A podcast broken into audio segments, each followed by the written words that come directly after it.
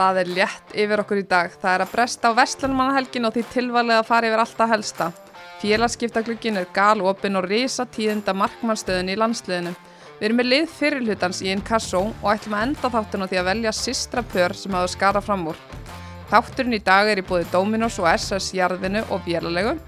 Ég heiti Hulda Myrdal og með mér er mín hægri hönd, Mist Rúnarsdóttir. Velkomin á heimaöllin.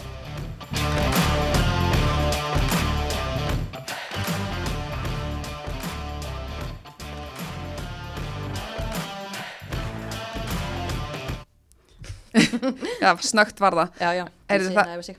Það er hérna kósi hjá okkur í kvöldmist. Þriðjutaskvöld, alltaf klárast. Heldur betur, engin ljós, Nei, skrítið. en þetta er hugulegt. Ég fílaði þetta. Uh, Pepsi Max 12. umferð, hún kláraðist í kvöld. Ég segi þetta á dæsi og það er allt óbreytt á toppnum. Já, það er sama, sama sagan, blíkar og valskonur í sínum feikna flotta gýr og eru bara að sigla öllu svona þokkalega, já, eða, já, Það er bara bara öruglega heim, það Einmitt. er bara þannig. En, öruglega en, vægast sagt. Já, En svo er alltaf svaka sviftingar á þessum svo kallega botni sem er allt fyrir neðan fjörðasætið. Það er bara sama sagan að veist, nú er káaringar í níundasæti en það eru í fymtasæti fyrir sko einmitt hálftíma líku við mm og já það er alltaf einhver sætaskipti þar nema hvað að manni sýnir svona háka vikingar mögulega vera alltaf eitthvað að dragast aftur úr.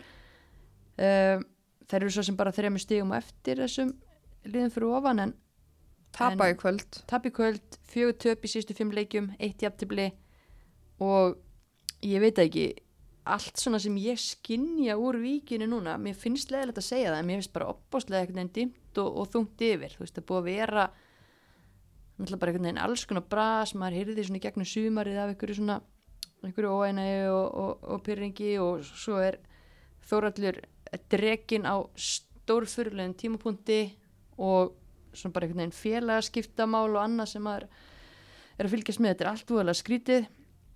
Við rættum náttúrulega um það hann í síðasta þætti að dætur hérna, Þóralds ekki verið í leikmannahópi þá og vorum svona velta fyrir okkur af hverju það væri og hvað myndi gerast og sjáum í dag að þær fara báður á lán önnur í breðablík og, og hinn í hérna, augnablík Á bekknum í kvöld eða ekki?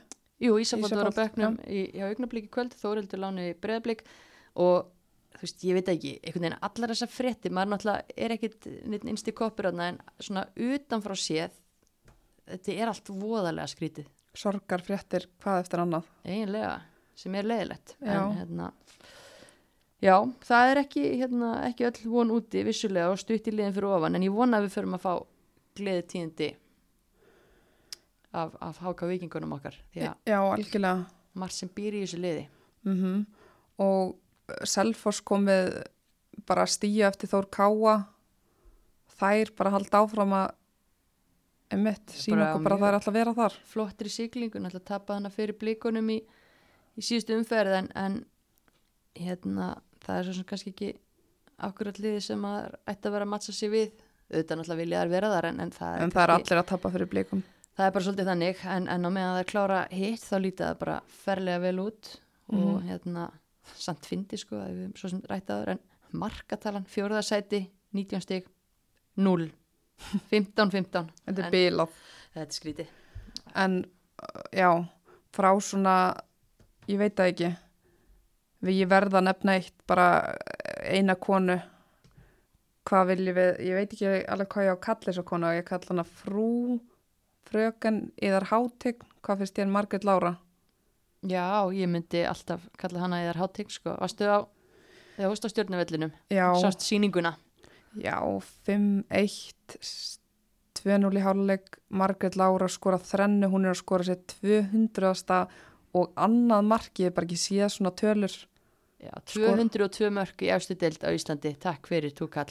bara takk fyrir að vera til Margrét og leiða okkur að fylgjast með þessu þetta, hún bara að líka hún, hún er komin tilbaka eftir bara þetta Mm -hmm. meðsli bak Tvö börn. emitt bara fyrir unga leikmenn að fylgjast með henni hafa ekki gott að því Þú finnur, já, bara frábær fyrirmynd, ég meina, og bara einmitt hugafarið, hvernig hún er að koma tilbaka og viljin og áhugin sem se- að hún, hún sýnir það er bara, Þú segir vilji og vilji þá ætla ég nú bara að segja þér hvernig þriðja markið hennar var í kvöld. Það er hérna sending sem að kemur inn í tegin og Elimetta skallar hann byrta verð frábærlega. Boltin er bara svona, maður heldur þetta sé bara fjarað út, hver kemur þá? Margrét Lára flegir sér í þetta bara eins og hérna, hvað ég að segja, bara 15 ára graður veist, það er eins og hún sé bara í alveg tala, það, þetta er svona eins og þetta er þessi leikmaður að skora marki í sinni fyrsta meistaraflokksleik, hún er 33 ára, hefur afreikað allt. Þetta sýnir bara af hverju hún er á þessum stað, af hverju hún hefur gert þetta allt hún er að fleia sér í boltan þarna og renni tæklar hann inn í þriða markinu.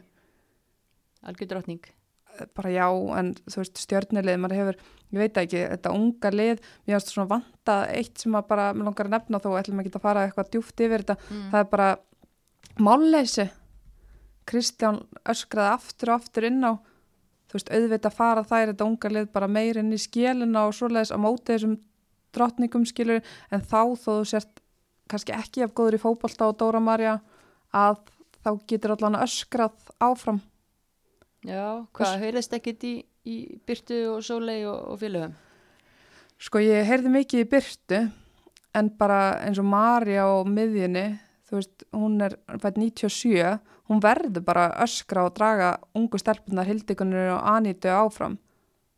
Það er bara Aníta óhrætt samt þegar hún kom inn á, en hún, það verða bara að gera þetta eldri stelpunar í liðinu. Kristján kallaði aftur og aftur inn á taliði saman eitthvað, mm. þú veist, það er það minnsta sem hún getur gert. Já, Það kunni allir að tala. sérstakt ef að, já. En samt, þú veist, já, þessar ungu stelpur í stjörnunum náttúrulega bara kannski á stór biti Guðni og Lilli fyrir þær en, en já, já, já, eins og við erum að ræðum að, að, að hérna, það er engin lið að vinna breyðablika stundina, það er heldur engin lið að vinna val þetta er náttúrulega ekki auðvildast að prófa en ég er alveg sammálaður ef að það, það sem þú getur gert er að þú getur talað og þú getur barist. Mm og hérna fyllt skipulagi, þú veist, þú verður að vinna með það sem Já. þú hefur og hérna, hann er bara leiðilegt ef, að- ef að svo er ekki því að þetta er líka eitthvað sem að er auðveldar að laga heldur en að verða allt í hennu ykkur já Brjáluð- það er ekkit mál að gera þetta. sko, En hérna, það kom mynd á Instagram í vik- vikunni. Guðbjörg Gunnarsdóttir, hún er ólétt. Markmaðurinn okkar í landsliðinu. bingo lotto, Mm til hann ekki með það, gugga Las ég rétt eða voru tvíburar. Já, ég er ekki frá því að, að, að Ég sé ennþá læs sé tvær, tvær kökur í opninum hmm. og geggjað bara til hann ekki með það. En hver verður, uh, hver verður nummer eitt?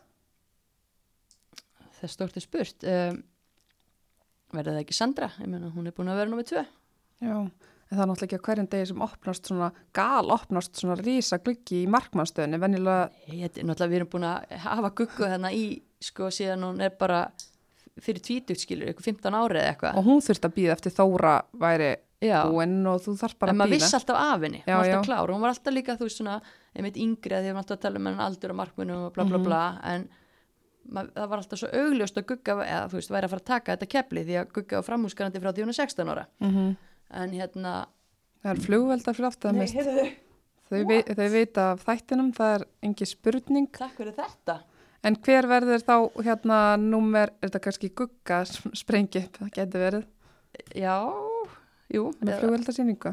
ég er að hugsa hvað átt þetta er, ég er svolítið áttavilt Þetta er Þetta örugglega- er að fagna sigri já, getur verið. Gæti, Fjölnir, nei, það, jú, það eru, nei, það gerir jættibli já. Já, ja, Gæti vel verið. Nú um það, En hver verður markmaður nummer þrjú?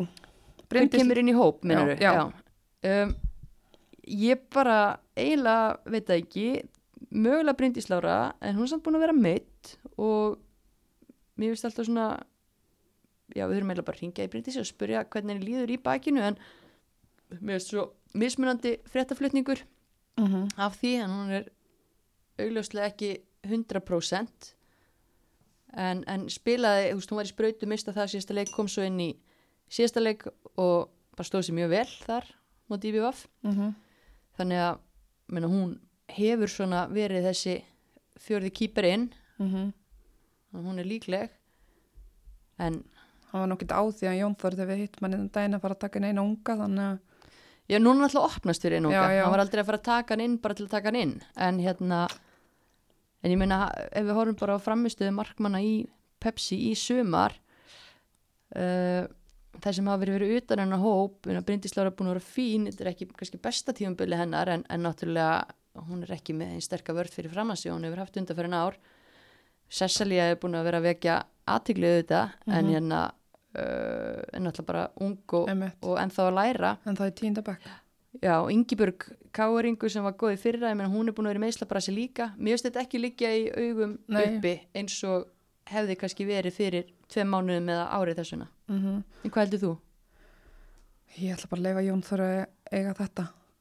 Það. Já, það er mm, bara, já, það, er eiginlega bara þannig. Ég var alveg til í að sjá unga koma að inn, en það er kannski, ég veit það ekki, Sandra, Sonny og, en ef að Bryndís er klár þá er hún alltaf nummið þrjú, það er engin spurning fyrir mér. Já, En hérna, nú er, hvaða dagur er í dag? þú varst að segja mér að hann að veri, Já, það er komið Þriðjudagur. verslunmannhelgi. Já. Félagskiptaglugginn er hérna opinn og það hefur verið svona, hann er í sólaringi viðbótið mitt. Þetta já, heldur að gerast eitthvað núna á næsta spennandi tíma sem við lifum á. Um, nei, ég var eiginlega mest svona á rífrestakkanum að býða og sjá hvað Þóraldstætur myndu gera eða hvort og þá hvað. mm -hmm. verði ég að viðkjöna mm, komið smá á óvart en samt ekki að, að Rúd Kristjáns veri yfir í IBVF, nei yfir í fylgisegi aftur uppeldisfélagið það er En hún hefur bara spilað fimm leiki með IBF núna, það sem afi er okkur að maður ekki tekið mikið, er ekki farið mikið fyrir henni í sumar en, en ef hún er í lægi þá er þetta mikil fengu fyrir fylgi algjörlega, þú veist, hún er búin að spila yfir hundra leiki í efstu deild, fylgislið þær geta alveg nota hana raut, það er alveg hreinu Klárt og, og það sem fylgisliðinu hefur vantað svolítið, ég menn að ert með berglindiðan aftast sem er að öskrað og djöblast og í stríði en, en vantar kannski svona fleiri kjötbytta á, á Mhm. þennan hrygg þannig að Rutt geti klárlega verið svoleiðis leikmaður. Mm -hmm. Þannig það er, já, Svo sækir Steini Bergþórsól í blikana frá augnablik. Hún er fætt 2003 hún hefur ekki spilað með breyðablik í efstu deild. Hún var góð með þeim á undirbúinstímbilinu Já, fór ótrúlega. bara á, á síðasta síðustu mínútunum líku við aftur yfir í augnablik, búin að vera bara mjög fín þar í sumar. Mm -hmm. hæfileika ríku leikmaður þannig að það er allavega að vera ekkit fámennt hjá á bekknum hjá Steina sínist mér Nei, alls ekki. En það eru, það eru nú að fara stelpur núna út í emitt skólana, þessi djöfulegi hausverku fyrir þjálfara. en 25 stykki úr Pepsi Max og 25 25. stykki úr Encasso og svo öruglega einhverjar 5 allavegna á annar dild já, allavegna, ég er ekki búin að telja, ég er bara giska já, þú veist eins og valur, valur á toppnum og það er missa bara Berdísi fanni held ég. Já, sem hefur ekki? ekki verið að starta fyrir þær. Þannig að þær kofver að það eru búin að kalla Ollu tilbaka náttúrulega Og það eru með, þú veist, tí, þetta er alltaf sömu þrýr sem kom inn á. Mhm. Þetta eru Málfriður, Anna, Guðrún Karitas, Málfriður Erna, Telma Björk, hún er komin inn núna þannig að Olla er þarna líka. þær ráða alveg við þetta þó að Fandís, eh, segi að sé góður, góður leikmaður og náttúrulega bara maður hefði viljað sjá hann að spila meira en, en það er Mhm. eins og En blikarnir sem eru bara á toppnum með val, það er missa Andri Rán Hugstóttur og Berglindi Baldurs. Berglind hefur nú ekki verið að spila mikið fyrir þar, hún hefur held ég bara að spila eitt leik ef ég er, Já, ég held að það sé rétt þér Þarna, Andrea Rán náttúrulega kom seint og var smá tíma að vinna sín í liðið en búin að spila mjög vel fjóla Síðan náttúrulega meiðist. Já, og það er spurning líka bara hvað er að frétta af fjöllu það er líka eitthvað voða dulafullt það getur enginn gefin en svör Mm -hmm. svona opinberlega með það en hérna ef að hún kemur inn það verður frábært þá, Það er Það- líka Ásli og Mynda, Ásli og Mynda hefur verið á bekknum núna, það hefur verið að spila með Selmi í bakverði, mm það er eiga alveg að geta list þetta. engi spurning og eru núna að fá náttúrulega lán, lánsmenn inn sem eru það bara klárar að verða fyrstar inn að bekknum menna, Mhm. Svo Þórildi og svona þannig að leikmenn með reynslu úr dildinni að það séu ungar um, Mhm. þannig ég held að toppliðin ég menna þau bara kofvera sitt, engar áhyggjur þó að káeringa sé til dæmis bara að missa eitt leikmann, þá held ég að, að þetta komi stórt. miklu verð út fyrir þær, Ástís Karin Haldursdóttir hún er hvað einum leik í viðbót Svo er náttúrulega byggar, verður henni flóið heim í byggar úrslitin. Ég hugsa að hún fái ekki leifið hann út í skólanum sínum en, en það verður allt reynd og ég er alveg vissum það að- margir til í að borga þetta flug, það er ekki vandamáli það er bara spurning hvort að skóla hefur völd. En Ástís, já, Ástís hefur verið náttúrulega bara svakalega, hún er allt í öllu. Hún getur líka bara að það fara svo margar í hana í leikinu það losnar um fyrir aðrar, þó svo hún hafi bara skorað held í tvö mörg og þar er hafa að og hún er búin að vera ótrúlega mikið alltaf í boltanum og, og hérna, hún er x-faktor leikmaður. Mm en, En- hérna, En hvernig er með Þór Káarlið, það er náttúrulega ennþá núti í Mexiko, hvenær koma þær heim, það er átt að missa af þremur leikjum. Ok. þannig að, að hérna, einn eftir. nei, tveir, eða ekki? Að því að Þór Káa og, já, nei, maður ekki alveg. Nei, allt í jú, góð. jú, það er tveir eftir held ég fyrir eftir hvernig það hlustar, hlustar en hérna Þór Káa náttúrulega er að missa Andrið mist já. sem að er svona stæsti bitin Það vond að missa hana. það er hræðilegt, hún er hérna búin að vera búin að eiga góða leiki þú veist, minnst hún þetta alveg eiga svolítið inni, en hérna náttúrulega ótrúlega mikilvægur leikmaður fyrir þær. Hefur líka verið að skora, hefur skorað þrjú mörg og spilað alla leikina. já, Margrét Átnardóttir er náttúrulega farin en svo ertu með að því að þær eru búin að vera lendi með Íslabrasi og svona það eru stelpur eins og Saga Líf og Agnes Birta sem að hafa lítið spila undarfærin ár eru þrjusugóður í fótbolta þær hafa verið að koma inn en þær eru að fara líka. Harpa Jóhansdóttir varamarkmaður sem að steg inn fyrir Bryndísilárun daginn þegar að hún gæti ekki spila vegna Mm -hmm.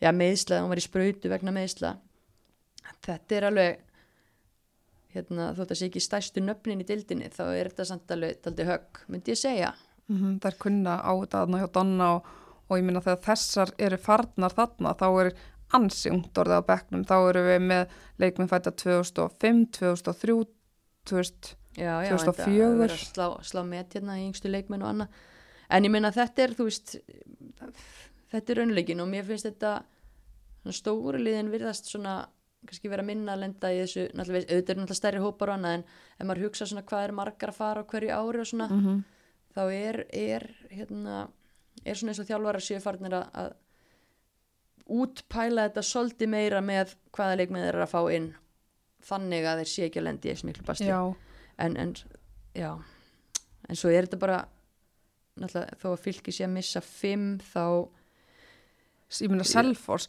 eins og til dæmis Eva Lind í Selfoss, bara mikilvæg leikmaður hjá þeim, hún, hún kom bara og fór. Já, Þetta er, eiginlega þannig að hún stundum, valla til um með sko þessu, Bergrós Ásgeis aftur á móti Hæribakur er búin að vera mjög góð fyrir, það, fyrir þær fyrir utan fyrsta leikin held ég hún er tveimur leikjum viðbót. Nei, þetta eru úreltar upplýsingar. Það er hérna eitt leikur Já, ég skil. allavega held ég. En e, já, þannig að það er slæmt fyrir þær en, en það er samt bara ein manneski úr byrjunarliði og maður getur svona já, horta á þetta, þú veist fara, fara fimm úr, það fyrir enginn úr IBVF ég held að það er alltaf mjög fáar sem fara þaðan, það er alveg það er stert, en Það er nóg að gera í eigum, það, það er nóg að klói fari já, nægur hausverkur. Hmm, en svo er náttúrulega bara fylgir Telma Lóa og Kristín Þóra hefur líka verið að starta. Telmalóa hefur samt ekki náð sér á stryk þó hún hefur spilað leiki, hún er ekki náð að skora. Nei, en það er samt náttúrulega bara vond fyrir þessi lið bara upp á fjallíkan í hópnum og, og breytin og annað og, og Hulda. tímaspörsmál. Huldar hund er búin að vera að koma inn nefnilega sterk núna að undarförnu og er bara svona X-faktor skellur, já. En þetta hefur alveg til að vera áhrif og svo náttúrulega hefur þetta líka áhrif í Inkasso en munurinn hjá Inkasso-liðanum og, og Pepsi Max er að Pepsi Max eiga örlíti meiri möguleika á leikmannamarkaðunum innanlands eða er eitthvað þetta að lokka. En ef þú ert hérna að missa mikið í Inkasso þá ertu og hefur ekki efna útlendiki þá ertu bara frekar svona frekar vondum málum. Já, það er kannski bara að fá einhverja til að dusta ríki af einhverjum skóm sem eru konur upp í hillu og svona eða þú ert að fylla hópiðin já, en, en þar eru hvað fjögur lið sem missa fjóra fjórar. Það eru hérna fjölnir, haukar, þróttur og, og ía. F.A. er í góðum málum.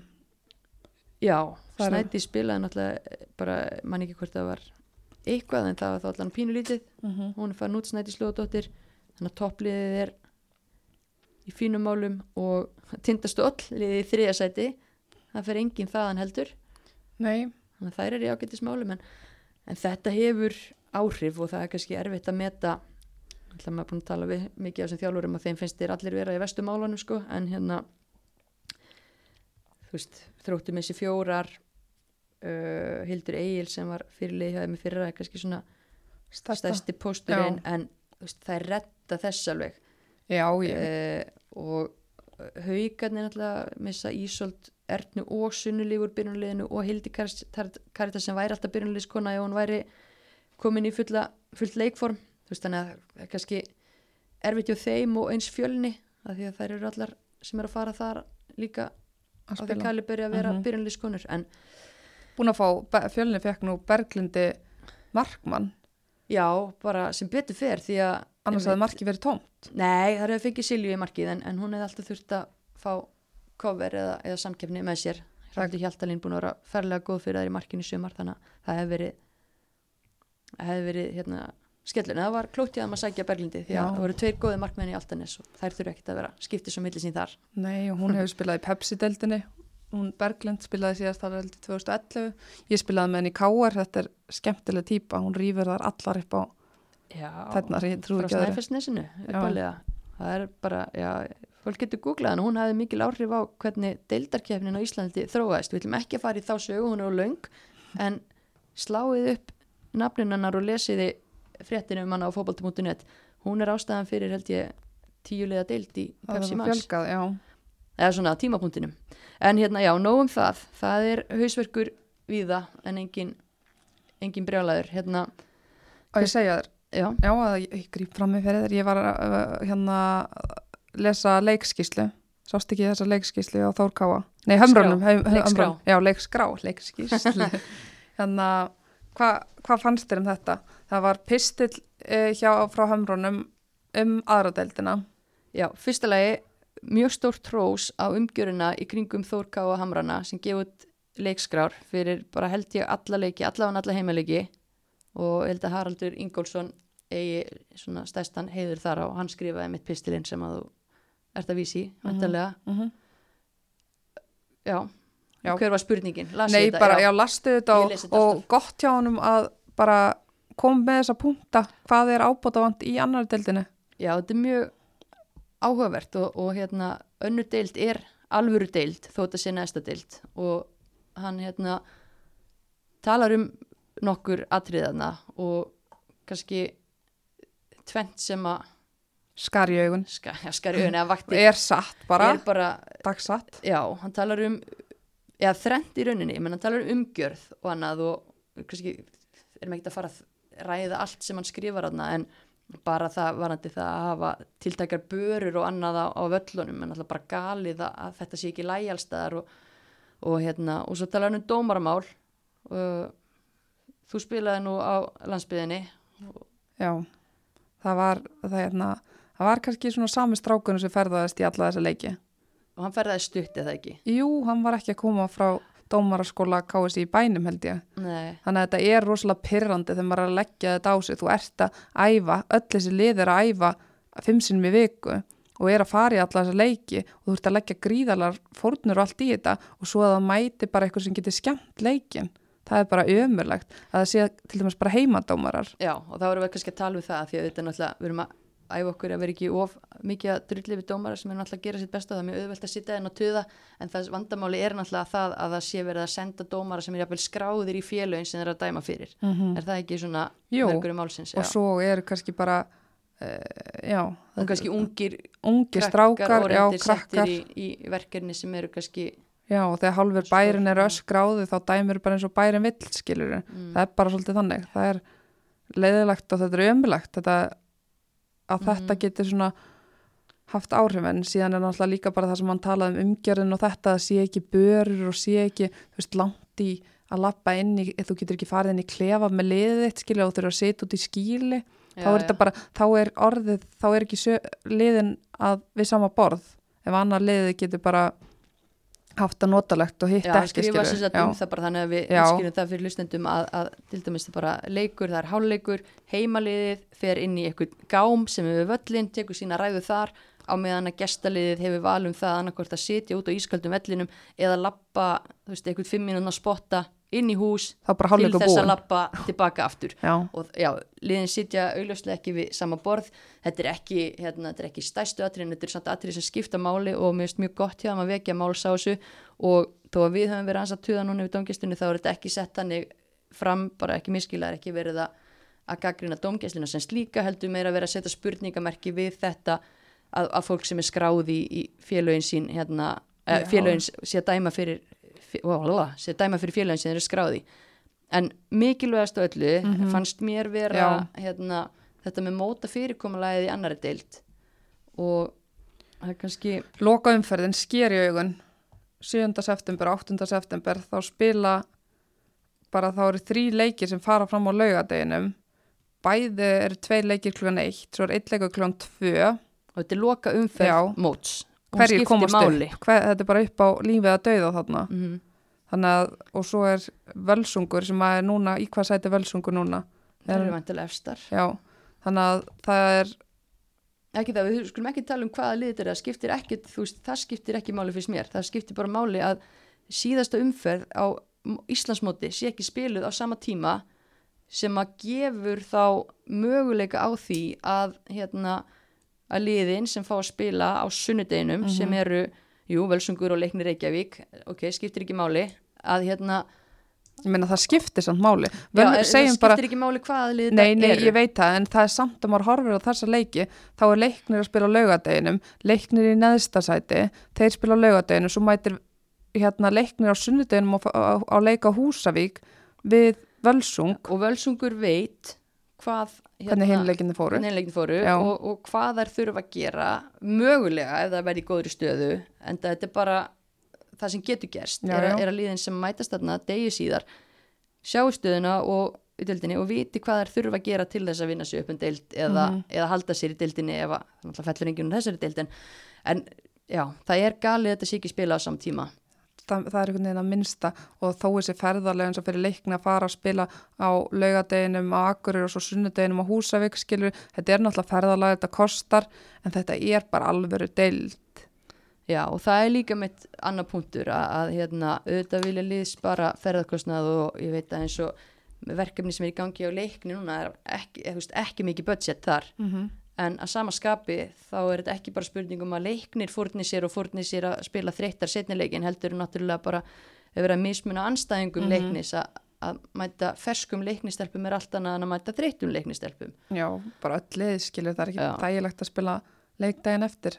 Sérstaklega ekki svona út á landi það allir eru snældu vittlisur en hérna, hérna ok, okkur langaði allan að koma inn á þetta þetta er, þetta var virkilega gott að heyra bara fólk tala eins um og tjásu um aðradeildina og bara Akkurat, við mælum bara með því að, að, fólk kíkir líka á þetta, það er, eru með flott Instagram, Þórkafa Hamrarnir og yfirleitt er postaðar inn upplýsingum um þessa leikskrár og við finnst bara gaman að sjá að þetta lesa svona mitt litla pislu um hitt og þetta, þessi svona vakti bara sérstaklega aðteglu okkar, þannig að já, en getum við gert eitt, getum við ofinbera núna úrvalslið Inkasso? It's time, já. Mhm.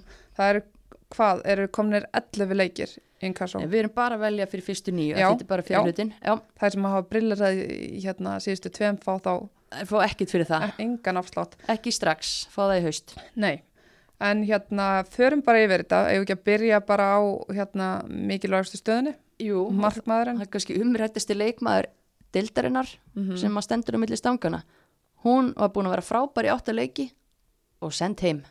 Tori Ornella af skaganum. Já, við söknuðum, söknuðin ég við söknum hennar mikið og skagakunur gera það klárlega en Tori var búin að vera virkilega góð fyrir þær þessa fyrsta áttuleiki og þó hann hafi ekki fengið að taka nýjunda þá var Jósangert að taka af henni mm -hmm. sætið í, í þessu úrvarsliði Ok, Tori, þú fær þetta, þá erum við með Hafsenda, við ætlum að spila fjórir, fjórir nei, við ætlum að spila fjórir. Sko það er bara, já við erum eiginlega með því sko Við erum eiginlega með fjóru, fjóru, tveir í tígulmiðju en þú mátt alveg hendi þessi fjóru, þrjá, þrjá líka. Já. Skiptir ekki máli. Við erum með tvo Hafsenda, það er Vilt þú kynna þetta? Ég skal kynna annan Annan. afsendin. Uh, Við ætlum að byrja líka á, á konu sem var svona spurning hvort að vættum að setja inn að því hún kom mjög seint til leiks. Mm -hmm.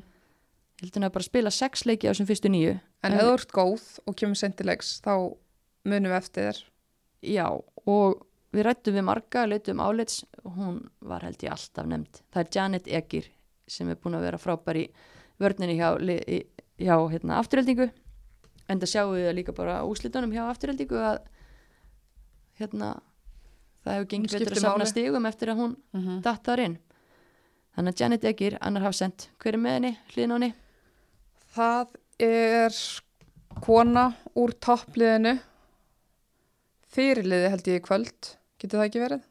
ja, Erna, Margrét, vantalega fyrir liði Ég held hún var endar ekki fyrirliði í kvöld en hún var fyrirliði í mínum huga. Já, það er hérna Maggi Laurentínus og dóttir sem er búin að vera frábær í FA liðin í sumar. FA liði er á toppnum búin að fá á sig 15 mörg það er enda daldi mikið en, en Maggi, hún skrifaði ekki á sig. Nei og bara hún fær það er ekki amalegt þetta miðurpar Maggi og Janet. Mm þannig að bara búin að vera stórkostlega báða tvær og þær eru með hægri bakverð með sér sem að ég er búin að vera að spila er það ekki, hún er mest búin að spila miðvörð já, en hún er mjög fjölhæf. Og Mhm. ég myndi tristinni sko hvar sem er á vellinu með mínu liði og bara sérstaklega í, í hæri bakverð skástrygg miðvörður. Mm og það er Jelena Tinna, þróttari.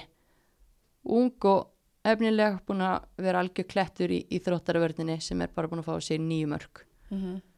þannig að hún tekur hæri bak vinstri bakurinn, annar ungur spennandi leikmaður Valgerður Ósk Valstóttir, F-fáingur og já, hún er bara náttúrulega, hún líka landslýs leikmaður og með mikil gæði getur farið fram á völlin og á heimaði þessari varnar línu okkar, já, ég er nokkuð sátt við þessa línu.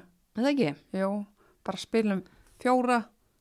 Fjóra solid. Já, og við getum alltaf breytt af því að Valgerður getur alltaf farið fram að Jelena getur alltaf farið inn. Við getum hent Janet upp á topp ef við erum að tapa á 90 mm þetta er, og Þetta er- Maggi skorar eftir skallaskilu þetta er rosalega lína. Já hérna, en það er, eh, það er mikilvægt ég hef alltaf sagt það, varnamenn jújú þeir eru mikilvægir eitthvað að þeim en miðjan hún er það mikilvægasta. Er það? já, Þú gammal miðjumæður Hilda? Já, Þú veist ekki sendir? nei, hólan Þú veist hólan, ok. Hérna, Herðu, en býðum aðeins með hóluna nú, hérna, já við erum alltaf með svolítið sókna sinnaða miðju ef við getum kannski bara haft þar allar í hólunni já, það er bara ég ætla að spila þetta bara djart sókn Já. er besta vörn. Ok, ég ætla að spila þetta í tígul en ok, tígul er bara, það, það er bara mýta. Þróttarar í tíglinum gengur, gengur þrjusu vel. Þetta er bara að kalla, við getum kallað þetta hvað sem er en það eru veist, þrjá miðjumenn, Já. segð það bara þrýr miðjumann, uh, það er Margaret Sif Magnúsdóttir sem að gæti náttúrulega bara verið að spila í Pepsi-deldinni dregur þetta lið áfram. Ég held að allar í þessu úrvarslið okkar getur verið að spila í já, pepstildinni það er enda rétt. En hún er uh, búin að vera frábær í liðinu. Hún er með með sér kollega sinn. Já, lauruglu konuna Selmedögg Björgvinsdóttur sem er búin að vera frábær líka og þeir eru að ná mjög vel saman. Svona að ná fínum takti og yfirvegun hann inn á miðinni í F-liðinu og með þeim er skemmtilegu nýliði í deildinni sem er að spila með spútningliði Tindastóls. Mm -hmm. Jackie Allt Schult og búin að vera duglega að skora.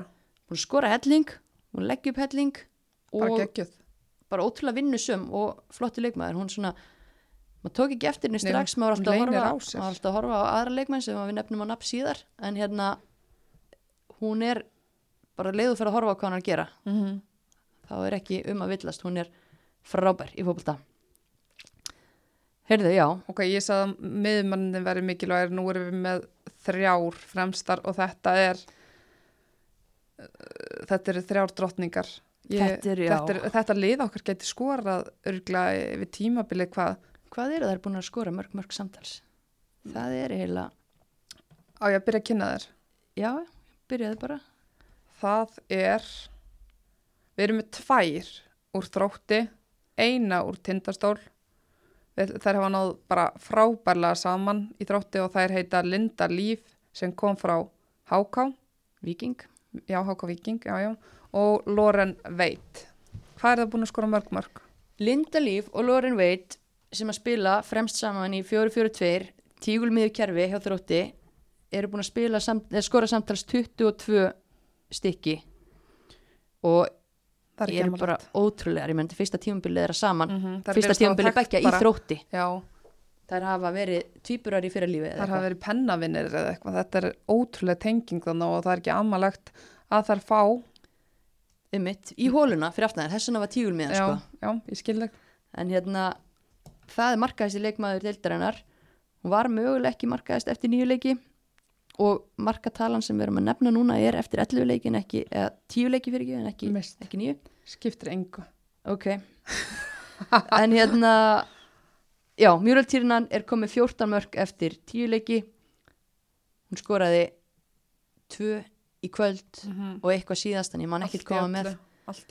samtals eru þessar þrjár í fremstu víglínu með 36 snuttur og það er ekki amalagt næst á eftir þeim er einmitt Jackie Altsjult með Já. 8 mörg þannig og hún er rétt fyrir aftan þannig að þetta ætti að við ættum að geta skorað eitthvað að mörgum Já, en hérna þetta eru þær 11 sem að byrja inn á. Það var hausverkur að, verja, að velja varamennina viltu ekki bara telja varamennina upp? Bara hlaupið yfir þetta. Já, uh, við ætlum að setja Vara Markmann Frýrika Arnardóttir í þrótti.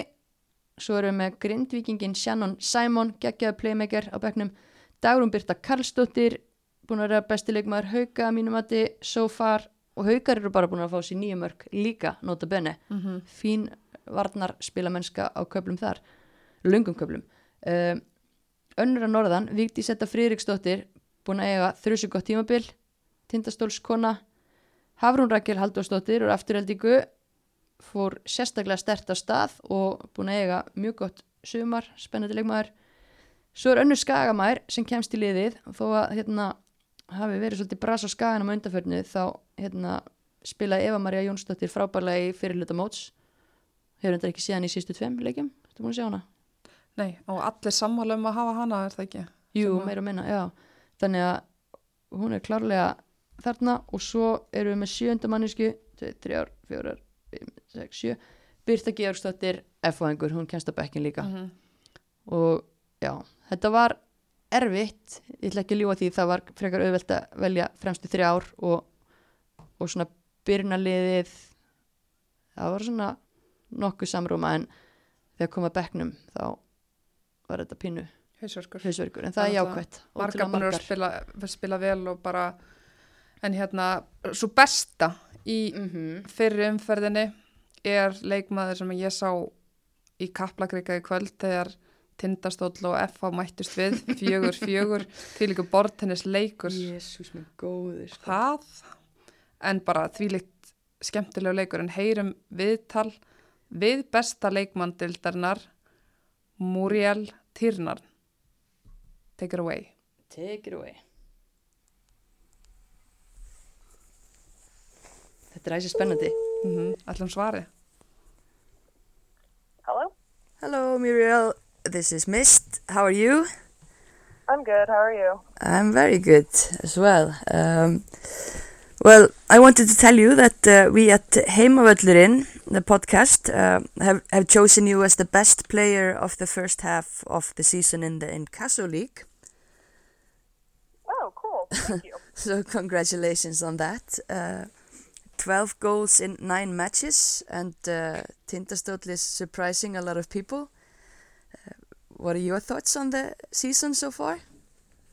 Um, I think we've done pretty well. Um, I know we're surprising a lot of people, but I think we think we have a strong team, and we know that we're capable of playing with any team in the league when we play our best. So it really just depends on us and how we show up every day for each game. Mm. Um, and, and what are your thoughts about uh, your how do you say your personal performances?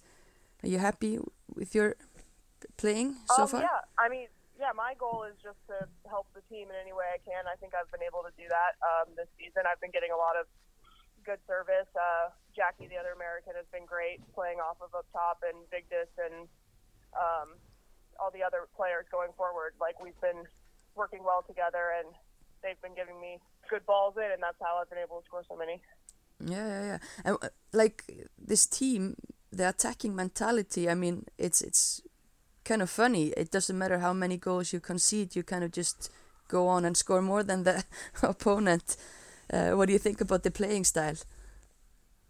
Yeah, uh, I think that's what we've been trying to focus on is to stop conceding so many goals. Um, but I mean, at the end of the day, all you got to do is score one more goal than the other team, and you win the game. So that's kind of our mentality. Is doesn't matter how many uh, we let in, we know we can put goals away too. So we just try and obviously get one more than the other team. So Yeah, yeah, yeah. And as an uh, attacking player, I mean, it uh, must be more fun to play uh, with this mentality, or what? yeah, I mean obviously scoring goals is fun and stuff, and um, I personally would like to not have to score so many goals, but obviously everyone's doing their best, and we all win together, lose together, get scored on together. So um, we just do what we can, and it's worked out for the most part this year. But we've got a lot to work on still. Yeah. Um, yeah, you played in the second league with Tindastóll last year. Um, you had a brilliant season then, scoring what 24 goals in 14 matches, I think, and we're also voted the best player of the year. Like, wh- what is the difference between playing in these two leagues, in your opinion? Um, I think just, I mean, obviously the quality of every opponent is um, better. We're playing against stronger, more talented players, and so our team has gotten more. Um, every player has grown so much since last year, so that's how we've been able to come up a league and still be so successful. So um, obviously, you go up a league and the talent level is higher, so it's just better defenders, better forwards. Mm. Um, you got to be able to compete. Yeah, for sure. And you're at uh, third place at the moment, 18 points, uh, third place. Um, what do you think about uh, Tindastóll uh, for the rest of the season? Like, what are your goals and uh, what what would be the best outcome in, in your mind? I mean, obviously, if we're sitting in third and two teams get promoted, the goal for me and I think most of the players on our team would, everyone would love to get promoted, and that's a great thing to aim for. Um, but we try and take it one game at a time and just focus on our next opponent and do what we can to win each game without looking too far in advance, because then you just get all in your head. So take it one game at a time. But obviously, at the end goal would be great to get promoted. I think that's everyone's goal. Okay. Um, and yeah, like now you've played in in Caso and the second league. Like, would it interest you personally to play in the Premier League here? Um, yeah, I mean, I, I obviously came back to Tindastóll because I like the team, I like the girls, I like the environment here. Um, so if the if we could get promoted and go play in the Pepsi League, I think that'd be a really fun thing to come back and do. Mm. And uh, maybe tell us a little bit about yourself. Like, where are you from exactly in the States? Um, so I'm from Virginia. I live right outside of Washington D.C. Uh, so pretty much the capital. Um, I've lived there my whole life. I went to school in Southern Virginia, and yeah, I graduated from college two years ago, two and a half years ago now. Yeah. And uh, and why did you end up in Iceland? Um, so after I graduated, I just wasn't quite ready to go into the real world and get a full nine to five job. So I decided I wanted to travel and use soccer to do that. So I went to Sweden for a season, and then I came to Iceland here last year, and I liked it, and I had a great summer. So I decided to come back and spend another year here. Really just want to see the world, live in cool places, and play some soccer Yeah. while doing it. And uh, Sauðárkrókur, I mean, it's not the the biggest uh, town in the world. Uh, how do you how are you adapting to life there, and, and what do you like about staying there? Well, I mean, last year when I came, it was a big adjustment going from living outside of DC, and then I lived in Stockholm in Sweden, so definitely more people. But I think it's a nice change of pace, different Yeah. from anything that I've ever been used to. Um, it's definitely the most beautiful place I've ever lived. Uh, and all the people here, even though there's not very many of them, they're they're good people, and I like I like the environment, I like the town. So um, it's just overall, it's a good experience, and I think it's fun to live in these different places that you otherwise wouldn't, and it's different from my usual life. So I like it. Yeah, for sure. And like, what's your daily routine there? Do you do uh, do you work anything else, or do you just play soccer, or what's? Yeah, so this year, me and the other foreigners, um, we are like working at the field during the day. So we'll get up and go there for a couple hours, like help cut grass and stuff like that, kill some time. Mm. Um, and then, yeah, and then we go to practice and hang out and just kind of it's nice this year. I have other foreigners that I'm living with, so we're kind of all on the same schedule and have the same uh, off off time, so we hang out and just enjoy enjoy life. All right, all right. Um, and I know that you went traveling last winter. Uh, like, you didn't play much football, did you, before coming back here in Iceland? No, I tend to take uh, the off season off, so I I went home, or actually straight from Iceland, I went um, to through Europe with a friend and traveled for a month in Europe, and then I went home for the holidays and just went around the U.S. visiting family and friends that have moved all over the country, really. So I did a lot of traveling around the U.S. Um, and yeah, I just take my time and uh, don't really think about football 24 7, 365 days a year. It's more just in season for me. Okay, okay.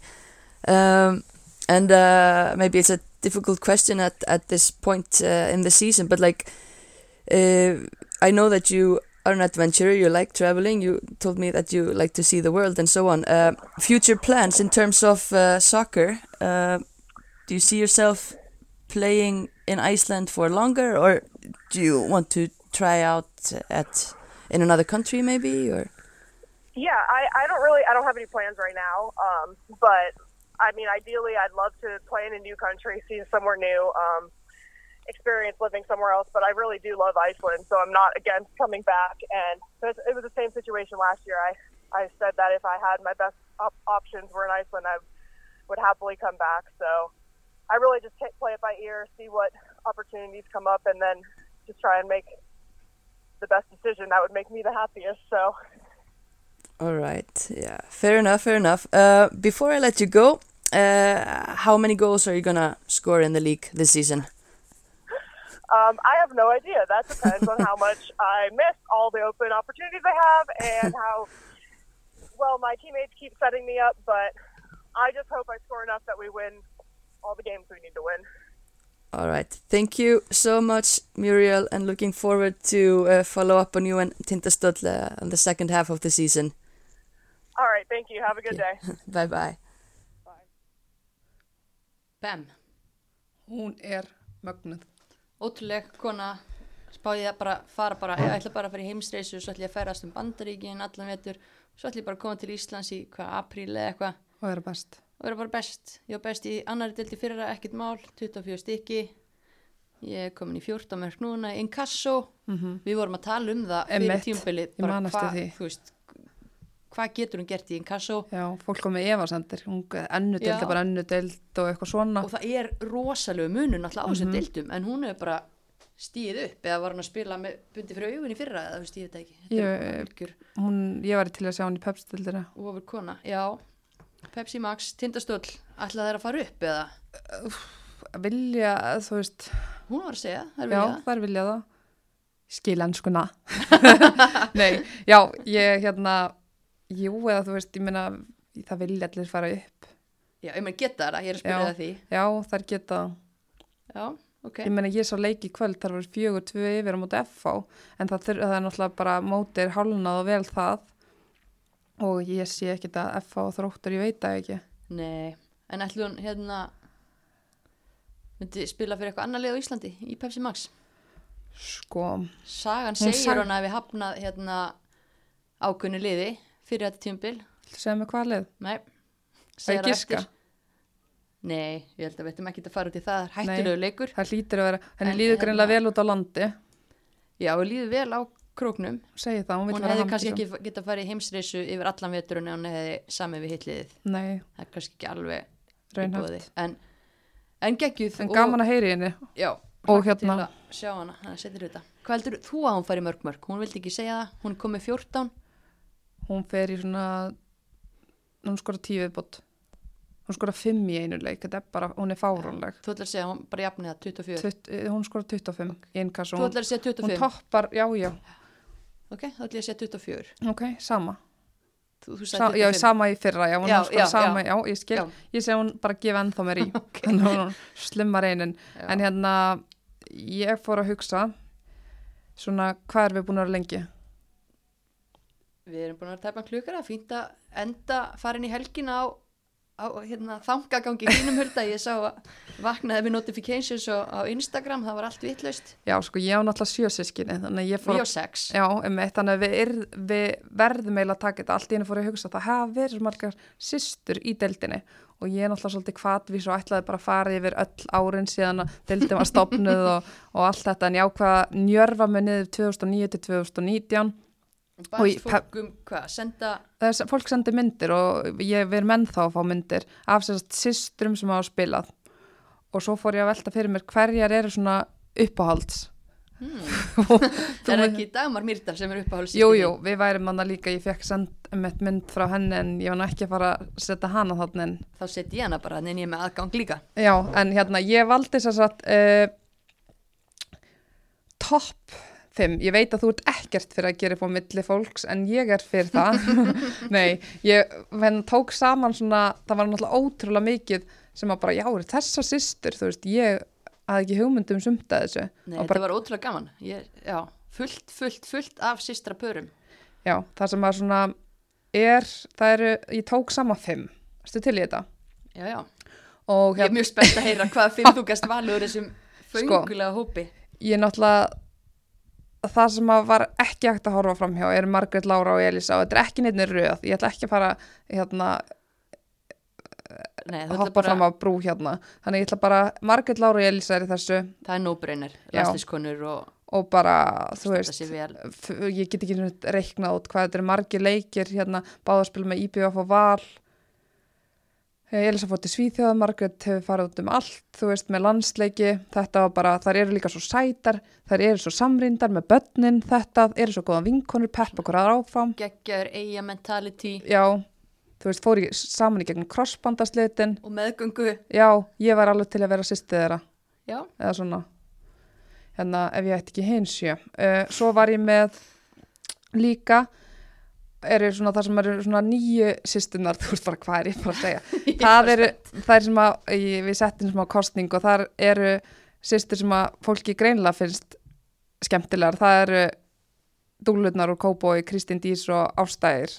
Það eru náttúrulega í sviðsljósinu núna, það eru Já. báðar að spila núna, það eru eiga foreldrar sem mæta alla leiki, mamma er að geggi fótbolta. já, þú veist, Ég veit ekki um pappa þeirra, en nei, mamma hann allavega hana. þú veist, Ástæður spila lengi, Kristín Dís er að, hérna, bara það er að báðar yngri landsleiki, Ástæður komin inn í A-landsliði, Ég, þú þetta ekki að rétta s- þetta fyrir mér, sko. Og örglega ekki fyrir þjóðinni heldur, því að, Nei. hérna, það eru allan að, það er svo mikið líka blika, ég er með annað, hérna, blikadæmi, hérna, viltu vera það, viltu giska? blika, Já, báðar í blikum eða önnur, e, nú er í blikum núna, önnur í blikum núna. já, það komar enda tvö systra pör til greinan, Heiðdís og Halla. nei, Nei, það var ég að tala um Heiðdís Liljar og Höllu Helga sem var í eru Nei, ekki þær. Ekki þær. Uh, Sonny Lára og Kristjana. nei, ekki er, Ekki þær, wow. Eða allar blikar, allir blikar. Sonni. Lára markmaðurinn í blikum og Kristjana í fjölni, Já, það eru spiluð saman í fjölni afturhildingu hér, mm eftir dildum árið. þetta eru, þú hefði getað giska á Hildi Jú, ég veit alveg hvað það tala um. Hvað? Önnur í augnabliku, önnur Já. í blik, já, Selma Sól og Sandra Sif, Magnús Dætur. mm það er Sandra, hún hefur spilað þú veist, biljón Evrópuleiki yngri landsleiki bara ótal nýju tímabil með blikum, hún hefur spilað fylki F á augnablik og hún á systir sem er að brillera og Og bróður þeirra líka, eða já, ekki? bróðir þeirra hérna Sindri, Sindri Snær, já. já, þannig að þær eru þarna líka og þetta er bara algjör fótbolta fjölskylda Góð gen þarna. já, þannig að bara þá erum við með, þá erum við komið þrjúpör ok, ok. það er svo ætlum við að taka næst varð ég bara að taka þessar hérna, þessar þrjár, þetta eru Hlín Arna Eiríks og Málfríður Anna og líka sýsti þeirra Bryndi sem sló í gegn á Nova-snappinu hjá okkur Já, hún á eftir að spila í eftir dild. hefur þú séð hann spila? Um, já, ekki mikið, en hún er, þú veist, she's got it, it's in their blood. Já, já, þetta hlýtur Bara- að vera. Hvað fá þessar konur í mat? Þetta eru þrjú stykki sem eru að, Ég held að pappi er þessi sjómaður, þannig ég held að sé fiskur, ok, fiskur, skrifið það hjá boltagenin frá, frá mömmu sín. Já, en það vita náttúrulega allir línir að slá í gegn núna er einhvern veginn að toppa sig. Arna búin að vera best í HK Vikingsliðinu, Já, nú breynir og Við viljum sjá meira Möllu í val því að Já. hún stendur sér alltaf vel þegar hún spilar. Já, og allar eiga inn- yngri landsleiki ætti ekki bara KSI að leggja eitthvað inn á þær eða mömmuður og pappa eða, Fóreldrana held já, ég. er það ekki bara, þú veist, bara takk fyrir þetta. Bara, já, þú veist, þú ættir líka bara, kannski næsta þetta hafa svona fóreldravelunin. Já, fóreldra spjallið. Já, hvað fóreldra hafa búið til flest börn sem hafa spilað í efstu dild. Já, en þá komum við mitt að því að hérna, það eru hérna fymta og síðasta eða fymta og síðasta, kom síðasta. margar aðra til greina. Það eru hérna stelpur sem að eru reyndar e, fættust í einni atrinu. Það eru Björk og Laufey. Björnstætur, já, það er nú geggjað að hafa tvíburana Já, þarna saman. Laufey hefur spilað 260 og eitthvað leiki, Björk yfir 100 leiki líka. Þú veist, bara ef maður telur þessa leiki, það er eitt og sér að nóg. Maður En- man ekki eftir þessi dild án þess að hafa og og já, það eru bara svona einhvern veginn, já, svo stór partur af íslenskum fótbolta, svo er það að þjálfa og sérstaklega Björk og eitthvað, maður sér það alltaf að mæta Mhm. að horfa okkur aðra. Ef að það er ekki að keppa, ef það er ekki sama liðinu, Eru góða vinkonur, bara, okkur aðri í einu og öllu. það eru algjöri snillingar, Þannig að þær eru þarna, það kom líka, það komu fleiri til greina. Það kom, auðvitað, ég vera ekki fólk bara að skoða Já. Instagramið, það kom til dæmis Hildur Antons heiðadröfn og harpakarinn, það var erfitt að líta fram hjá þeim, til dæmis bara. Er það Já. ekki alveg ljóst? Heiða kannski hætta á snemma harpa, þurfti að hætta líka, en er eitthvað búin að spila? Hildur náttúrulega brillera með breyðablík núna, svo erum til dæmis Hildi Sif og Jónu Kristinu, já, þær eru til dæmis eh, bara voru geggjaðar með blikum fullt að leikjum yngri landstíki, bara hætt of snemma fór í bloggið og, og þarna náttúrulega er að gera góða hluti Jóna Kristín með þarna háskólaboltan úti. Já, algjörlega, þannig að þetta eru og fullt þessar þrjár byrgistætur í Mosó. Vegna var ég ekki hrifna því að gera upp á Nei, þetta, er allt og mikið hjá mér. En, en þetta er ótrúlega skemmtilegt og, hérna, ég bara vona að sér búin að vista allar þessar myndir, út- Atla og Sara. Akkurat, ég vil fá myndaalbum Já, ég get ekki Sigrun og Sigruninga sem voru í Káar þú veist, ég með, ég með endarlist að þessu en það er Margrét svona, María og Elsie já, Gunnhildur, Ástrós og Stefania Þrótti. Ásmundstættur, spiluðu saman leikarna já, þetta er end, en, og Guð, Guðni Petrina og Björg sem spilaði báðar Þær eru geggja alansleiki og voru í Keflavík og Það svo í sýstur Og talandum aðra sýstur úr Keflavík Það er hérna Íris Ástrós, og Íris og Katla. Ég vissi ekki Ástrós verið sýstur Nei, þarna kom það um þetta sem er í Grindavík núna. Hún er grinda ekki að horfa á hana áðan. Já, Grjóthörð, Mm. en ég meina Þú horfir á það á velli, þú sérði þetta alveg mm Mhm. Grjóthörðar en svo eru einar eitt sýstrapar sem ég ætla ekki að afhjúpa núna, ég ætla að posta myndaðum á morgun sem að bara það verða allir, nú eru fylgjendur okkar eh, mikið bara, eða fólk á öllum aldrei en mikið hérna ungir yðkendur og þessir yðkendur hafa gott að því að horfa á þessa mynd á morgun og prenta hann út og hengja hann upp á vegg. Þannig að hún kemur á morgun Var þetta ekki sniðugt? Jú, þetta var mjög skemmtilegt Þetta er frábær Hvað dettur mér í hug næst? Þú verður bara að taka við því Já, já En hérna, eigum við að enda þetta svona að vilt eitthvað fara yfir? Ekki bara, Nei, bara ef ekki bara fara í helgafrí, Hulda Hvernig væri það? það er komin hánótt hérna og hérna, ég held að við ættum bara að fara að leiða okkur tjaldfagn núna mist og fara eitthvað út á land saman. Er það ekki? Hvar verðum við um helgina? Á þriðju degi, sjö dagar saman, það er kannski ómikið en hérna bara takk fyrir að hlusta og hérna, Góða helgi. Já, fariði varlega og bara sjáumst á vellinum, það er eitthvað leiki núna fyrir helgina, Já, já, við sjáumst á vellinum Já, morgun. Já. Engin spurning. Hvað er að kveðja? Herðu, Bara þá getið næst. Takk fyrir.